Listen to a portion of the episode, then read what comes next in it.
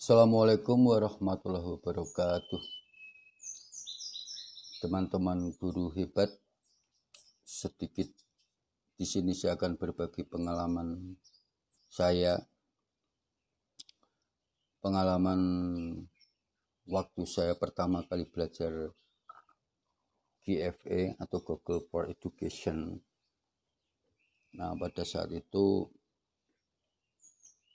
banyak hal yang saya alami dan cukup membuat saya tersenyum saat ini yakni beberapa kejadian.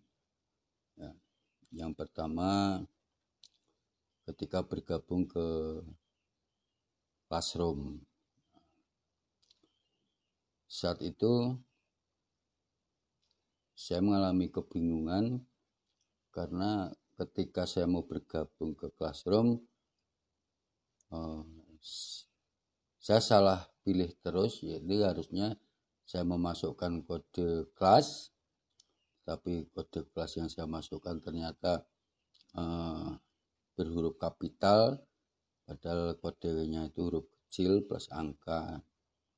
Waktu nggak bisa bergabung sampai pelaksanaan hari pertama saya masih bingung sementara lainnya sudah pada bergabung. Nah, saat itu dengan eh, sangat memohon saya minta bantuan langsung ke trainer saya. Akhirnya dengan bantuan beliau saya bisa bergabung di classroom. Kemudian saat penugasan ya, pada saat kegiatan itu saya sudah mengumpulkan mengerjakan semua tugas saya itu selesai tepat waktu tetapi e, ternyata saya salah. Ternyata tugas tersebut belum belum saya kirimkan atau belum saya kirimkan ke pembimbing saya. Kan di situ ada kotak yang di bawah sini adalah kirimkan ada tulisan kirimkan nah itu belum saya klik. Nah sampai akhirnya tugas diklat selesai saya tunggu beberapa hari. Ternyata teman-teman sudah pada mendapat sertifikat. Saya belum. Saya bingung saya komplain ke panitia pelaksana. Nah, akhirnya saya ngeyel karena sudah melaksanakan tugas jauh sebelum jatuh temponya. Akhirnya eh, setelah saya diberi arahan malu sendiri.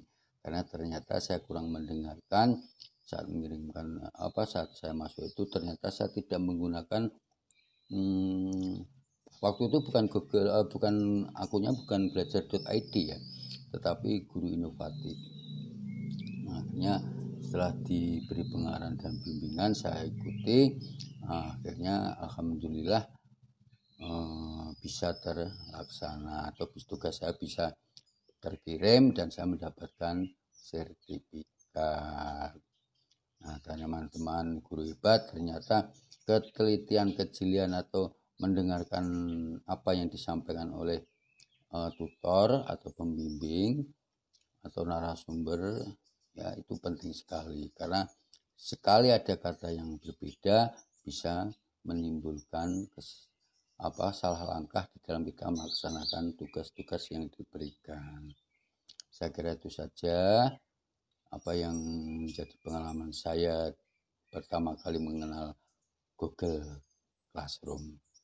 Sekian, terima kasih. Wassalamualaikum warahmatullahi wabarakatuh.